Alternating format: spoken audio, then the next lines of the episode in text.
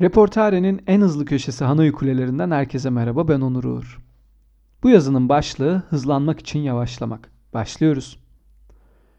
Önümüzde bir yarış var ve yarışı kazanmak istiyoruz. Bunun için çeviklik, dayanıklılık, yetenek ve hız gerekiyor. Ancak hızın ölçütünün ne olacağı yarışın modeliyle belirlenmekte. Bir maraton yarışında deper atamazsınız mesela. O zaman hız kavramı içinde bulunduğumuz çevresel faktörlere göre bilinçli ya da bilinçsiz şekilde belirleyici bir rol oynuyor hızın işleyişteki önemine dair harika bir örneğim var. 1819-1890 yılları arasında yaşamış olan Amerikalı mucit Christopher Latham Souls, bugün kullandığımız daktilo ve klavyenin mucididir. Bir arkadaşıyla numaralama makinesi üzerinde çalışırken daha sonra bunu harflerle yapabilecek bir makine tasarlamaya başlamıştır.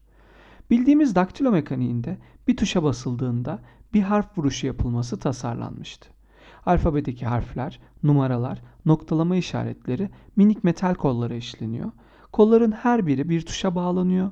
Kolların yüzeye vuruşu sayesinde de daktilo görevini yapıyordu. O yıllarda emojiler hayatımıza henüz girmediğinden mucidimizin işi daha basitti. Ancak ilk denemelerde şöyle bir sıkıntıyla karşılaşılıyordu.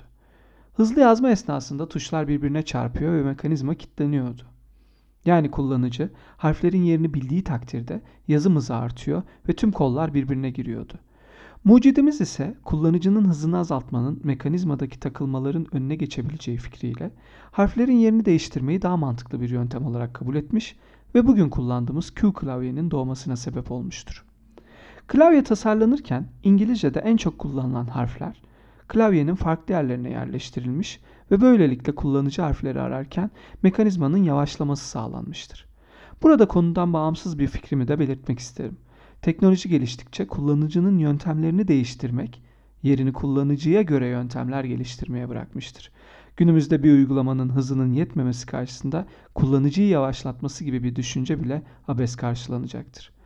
Christopher Latham Souls, harflerin yerini değiştirerek daktiloyu kullanan kişilerin daha yavaş yazmasını, böylelikle kolların sıkışmamasını sağlamıştır.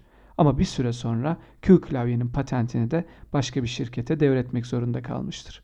Yine de bilgisayarlarımızda kullandığımız QWERTY klavye onun eseridir. Q klavyenin doğuş öyküsü bana yaptığımız her işte hızın önemini daha net hatırlatıyor. Hemen bitirmek için hızlıca yaptığımız bir ödev ya da partnerimizle ailemizi tanıştırmak için acele etmemiz tıpkı daktilodaki gibi mekaniğin bozulmasına yol açıyor. Kuru fasulye pişirirken bile önce yumuşamasını bekleyen bizler söz konusu bir süreç yönetimi olduğunda hızlı sonuç istiyoruz. Ben yaptım hemen oldum düşüncesi olan işlerimizin bile yolunda gitmemesine yol açıyor. Yavaş ama öğrenerek süre gelen bir hayat bizi daha mutlu ediyor. Zaten yavaş yavaş öğrendiğimiz şeyler bir yerden sonra hızımızın kaynağı oluyor. İngilizce'de en çok kullanılan harflerin tasarlandığı bir klavyede yazan birinin Q klavyede yazan birinden 16 kat yavaş olması gibi. Evet doğru duydunuz. 1932 yılında Profesör Doktor August Dvorak tarafından İngilizce'de kullanılan harflerin en kolay ulaşılabileceği şekilde tasarlanan bir klavye, alışılmış olmanın etkisiyle tam 16 kat yavaş kalmıştır. Bu da bir başka Hanoi Kuleleri yazımızın konusunu oluşturuyor. Adaptasyon tartıştığımız diğer yazıda buluşmak üzere. Kendinize iyi bakın.